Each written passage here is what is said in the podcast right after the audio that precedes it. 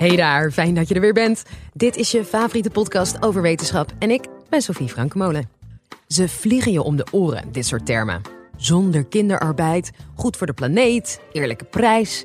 Commerciële bedrijven willen je steeds vaker laten denken dat ze goed zijn voor de wereld. Moet je ze geloven? Econoom Karen Maas van de Open Universiteit en de Erasmus Universiteit Rotterdam leidt je door het oerwoud van misleidende slogans. Dit is de Universiteit van Nederland. Ik wil dit college graag beginnen door je de volgende tekst te laten lezen. We willen een substantiële bijdrage leveren aan het welzijn en de welvaart in Nederland. En de oplossing van het voedselvraagstuk in de wereld. Van welke organisatie is deze tekst, denk je? Nee, dit zijn niet de woorden van een goede doelenorganisatie of van rijke gevers zoals Bill Gates en Joop van den Ende. Dit komt uit de zogenoemde missiestatement van de Rabobank. En de Rabobank is niet de enige bank met zo'n mooi voornemen. Ook ABN AMRO wil bijvoorbeeld bankieren voor een betere wereld. En gebruikt de hippe slogan een wereld te winnen. Naast banken zijn er ook steeds meer andere commerciële organisaties met zulke mooie woorden. Wat dacht je bijvoorbeeld van die van Philips? Philips streeft ernaar middels innovaties de wereld om ons heen gezonder en duurzamer te maken. Ons doel is om in 2025 de levens van 3 miljard mensen te hebben verbeterd. Aan ambitie geen gebrek, hè? In dit college wil ik graag met jullie kijken waarom bedrijven zulke wereldverbeteraars willen zijn. Maar ook of ze dat vervolgens echt waarmaken. Komen ze die beloftes eigenlijk wel na? En wat heb jij daar nou aan? Laten we bij het begin beginnen. Hoe zijn die missies van bedrijven eigenlijk zo idealistisch geworden? Die zijn namelijk zeker niet altijd zo geweest.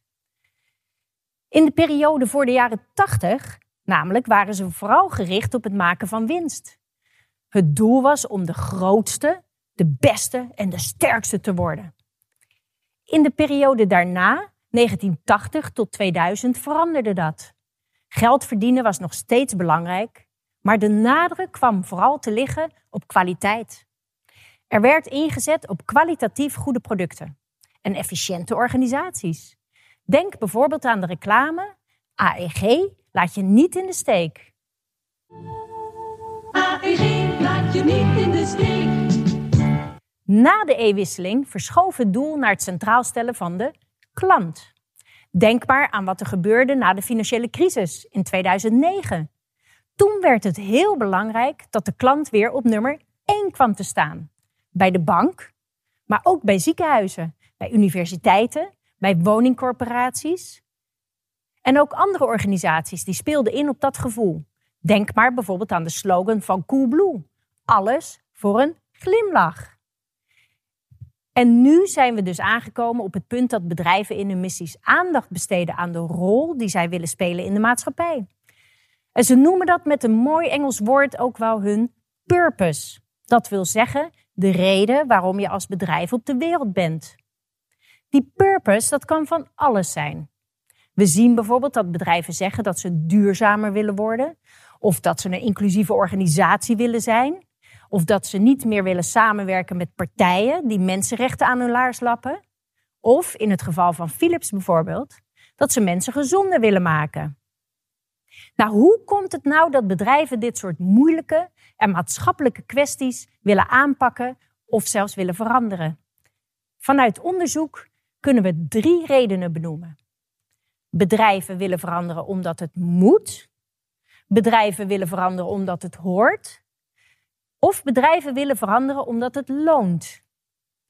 Nou, laten we eens naar deze redenen kijken. De eerste. Veranderen omdat het moet. Het kan zijn dat je als bedrijf wel moet veranderen, omdat er nieuwe regels en wetten zijn vanuit de overheid. Die kunnen bedrijven dwingen om te veranderen. Zo kan de overheid bijvoorbeeld aangeven dat een bepaalde giftige stof, die slecht is voor het milieu, niet meer gebruikt mag worden in producten. Een tweede reden is veranderen omdat het hoort. Er zijn steeds meer bedrijven die goed willen zijn voor hun werknemers, maar ook voor de maatschappij. Omdat ze zelf vinden dat het zo hoort. Een mooi voorbeeld daarvan is Agrofair. Een producent en importeur van duurzaam, fairtrade en biologisch fruit. Die heeft tijdens de coronacrisis, toen er veel bananen werden gekocht, het financieel goed gedaan. En in plaats van die winst voor zichzelf te houden, zoals de meeste bedrijven zouden doen, hebben ze juist deze financiële ruimte gebruikt om meer te betalen aan hun toeleveranciers. Omdat ze wisten dat die het door de coronacrisis juist extra zwaar hadden. Tot slot, veranderen omdat het loont. Zowel overheden, investeerders, maar ook jij en ik als consument stellen steeds hogere eisen aan organisaties. Als consument wil je misschien helemaal geen t-shirt kopen als je weet dat er kinderarbeid achter je t-shirt schuilt. Of je wilt helemaal geen hamburger eten die is gemaakt van vlees uit de bio-industrie. En dat dwingt organisaties om bepaalde stappen te zetten. Want daar verdienen ze indirect dus ook weer meer geld mee. Nou, vandaag de dag wordt er door veel organisaties vooral gedacht nog vanuit die derde reden, omdat het loont. En daar is op zich niks mis mee. Maar die andere twee redenen, die gaan wel steeds belangrijker worden. Om dat duidelijk te maken, moeten we kijken naar de financiële waarde van niet-financiële waarden. Nou, wat bedoel ik daar nu mee? Daarvoor moet je eerst weten wat materiële en immateriële activa zijn. Voorbeelden van materiële activa zijn de gebouwen, machines en de grond die een bedrijf heeft. Kortom, alles wat tastbaar is, wat je vast kunt pakken en wat ook echt verkocht kan worden als een bedrijf failliet zou gaan. Immateriële activa zijn bijvoorbeeld de reputatie van je bedrijf of hoe duurzaam je eigenlijk bent. Nou, onderzoek toont dat de marktwaarde van een bedrijf in 1975 voor 83% werd bepaald door materiële activa. Dus door die dingen die je aan kunt raken. En dat betekent dat de overige 17% in die tijd werd bepaald door die immateriële activa. Bijvoorbeeld die ontastbare reputatie van een bedrijf. Maar in de loop van de tijd zijn die immateriële activa steeds belangrijker en ook steeds waardevoller geworden. In 2015 werd nog maar 16% van de marktwaarde van een bedrijf bepaald door die materiële waarde. En nu 84% door die immateriële waarde. Nou, het immateriële, wat we van oudsher niet financieel noemden, dat wordt dus steeds belangrijker en krijgt steeds meer waarde. We hebben de afgelopen jaren gezien dat niet-financiële aspecten niet alleen belangrijker worden, maar ook steeds sneller financieel worden.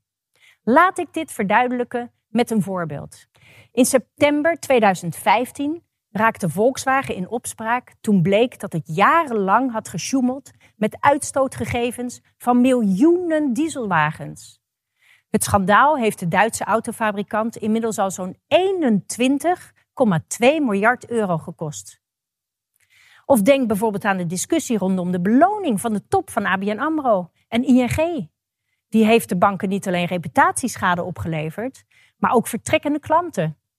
Concurrenten, ASN en Triodos, hadden binnen één maand al 10.000 nieuwe klanten. Dus omdat die immateriële waarde steeds belangrijker wordt, willen steeds meer organisaties graag een positieve impact hebben op de maatschappij. Althans, dat zeggen ze. Maar als we dan kijken in de praktijk, hoe ze hier invulling aan geven en wat ze dan daadwerkelijk doen, dan zien we grote verschillen per organisatie. En we kunnen hierin vijf aanpakken of businessmodellen onderscheiden. Bij al deze bedrijfsmodellen geeft de binnenste donkere cirkel telkens aan wat de randvoorwaarden zijn waarbinnen men opereert. Randvoorwaarden zijn bijvoorbeeld regels waar je je volgens de wet aan moet houden. Maar het kan ook zijn dat je een belofte met jezelf hebt afgesproken, zoals wij kopen geen producten in waar kinderarbeid achter zit. De lichtblauwe cirkel in het figuur staat steeds voor het doel wat een bedrijf wil bereiken. Bijvoorbeeld voor winst. Je wil dus dat die lichtblauwe cirkel vergroot. Nou, laten we alle vijfde bedrijfsmodellen eens even langslopen. Hier zie je het eerste bedrijfsmodel. Dit is een organisatie die volledig gericht is op het verdienen van geld. Want je ziet het euroteken. Je ziet ook dat die binnenste donkere cirkel bij dit model erg klein is. En dat betekent dus dat er weinig randvoorwaarden zijn waar het bedrijf zich aan moet of wil houden. Dit bedrijf houdt zich alleen aan de wettelijke regels, maar doet verder niks extra's voor het milieu of voor mensenrechten. In het tweede model heeft de organisatie, zoals je ziet, in de lichtblauwe cirkel nog steeds winst als doel. Maar deze organisatie houdt in die donkere cirkel, die is gegroeid in dit model, aan meer rekening met niet-financiële onderwerpen. En het gaat daarbij vaak om MVO, oftewel maatschappelijk verantwoord ondernemen. Zo wil dit bedrijf bijvoorbeeld geen kinderarbeid in haar keten hebben. Ook willen ze niet de grote milieuschade aanrichten of betrokken zijn bij omkoping of fraude. Dus ja, geld verdienen, zoveel mogelijk, maar wel op een nette manier. Vandaag de dag gebruiken veel bedrijven dit model. En die organisaties zijn nog op zich heel goed bezig als je het vergelijkt met model 1. Ze willen de wereld in ieder geval niet slechter maken dan die is. Maar dat betekent niet per se dat ze de wereld ook echt beter maken. Ze werken zelf bijvoorbeeld niet samen met bedrijven die gebruik maken van kinderarbeid, maar ze zijn niet actief bezig om kinderarbeid te stoppen. In het derde model is het doel om zaken te doen die leiden tot zowel financiële als maatschappelijke impact. Bedrijven als DSM, Philips en Alliander zijn hier mooie voorbeelden van. In het vierde model zie je dat het enige doel maatschappelijke impact is geworden. En je ziet ook dat geld is verschoven van de buitenste lichtblauwe cirkel naar de binnenste donkere cirkel. Geld blijft van belang, maar nu is het een randvoorwaarde geworden. En dat betekent dat je afspreekt dat je wel een bepaald rendement moet behalen, maar ook niet meer dan dat. Geld staat nu ten dienste van het bereiken van impact. Voorbeelden van organisaties die werken met dit model zijn bijvoorbeeld de chocolademaker Tony Chocoloni of de Triodos Bank. Zij willen alleen genoeg verdienen om de zaak draaiende te houden. En voor de rest proberen ze de wereld beter te maken door die positieve impact te hebben. Het vijfde model is voor de echte weldoeners. Je ziet, bij deze organisaties gaat het enkel en alleen om iets goeds te doen voor de wereld. Al het geld wat er binnenkomt, wordt uitgegeven om die positieve impact, het doel, te bereiken. Dit model zien we vaak terug bij goede doelenorganisaties en bij vermogensfondsen. Zoals ik al zei, gebruiken de meeste commerciële bedrijven in Nederland het tweede model. Bij veel van hen gaat het toch nog steeds vooral om winst te maken. En je kunt nu misschien denken, zie je wel, alles draait om het geld. Maar bedenk, bedrijven zijn nu eenmaal geen goede doelenorganisaties. En bedrijven zullen altijd rendementen moeten maken om kiet te kunnen spelen. Daar is op zich niks mis mee. De vraag zit er maar in hoe je dat doet. En dan kom je op het volgende punt. Want als je echt de wereld wil veranderen, dan moet je toch wel minimaal in het derde model zitten. En dan wordt het lastig. Want hoe ga je uiteindelijk om met die tegenstelde belangen waarmee je te maken kan krijgen? Is je doel nou een goed gevulde bankrekening of een schone planeet? En wat ga je doen als het iets minder geld oplevert, maar wel heel veel positieve impact heeft op de maatschappij? Het is dus heel belangrijk dat je als bedrijf concrete regels en doelen voor jezelf opstelt. En vooral ook, logisch, dat je je daaraan houdt. Ik woon in Rotterdam en daar zeggen we geen woorden, maar daden. En dat gaat nu echt nog heel vaak mis met die missiestatements. Een bedrijf ondertekent nu meestal een richtlijn. Ze hebben een mooi verhaal. Ze stellen een simpel beleidje op. Alleen hoe ze hun doel echt gaan bereiken en wat ze daadwerkelijk gaan doen, dat wordt vaak helemaal niet duidelijk bepaald. En als je vervolgens ook niet meet wat je hebt bereikt, ja, hoe weet je dan of je al die mooie ambities wel haalt? Nou, dat moet anders. We begonnen dit college met de vraag: waarom willen bedrijven ineens de wereld redden? We hebben gezien dat zaken als reputatie voor je bedrijf en hoe duurzaam je bent steeds belangrijker worden en ook waarde hebben. Er kan dus een financieel voordeel gehaald worden met een mooie maatschappelijke missie. Als ze hun doelen serieus genoeg nemen, kunnen bedrijven de wereld daadwerkelijk mooier maken. Helaas zie je vandaag de dag alleen dat het vaak nog te veel en te vaak om pure winst draait. En dat de mooie beloften dan in de prullenbak belanden. Ik zou dit college dan ook graag willen afsluiten met een ander mooi Rotterdams gezegde. Dat in dit geval ook een mooi advies is aan de bedrijven in ons land. Niet lullen, maar poetsen. Dankjewel voor je aandacht. Je hoorde Karen Maas. Vond je het nou een leuk college? Laat dan vooral een leuke recensie achter in je podcast-app van bijvoorbeeld, ja, ik noem maar wat, vijf sterren. Tot de volgende. Dan beslist de wetenschap voor eens en altijd of het nou patat is of friet.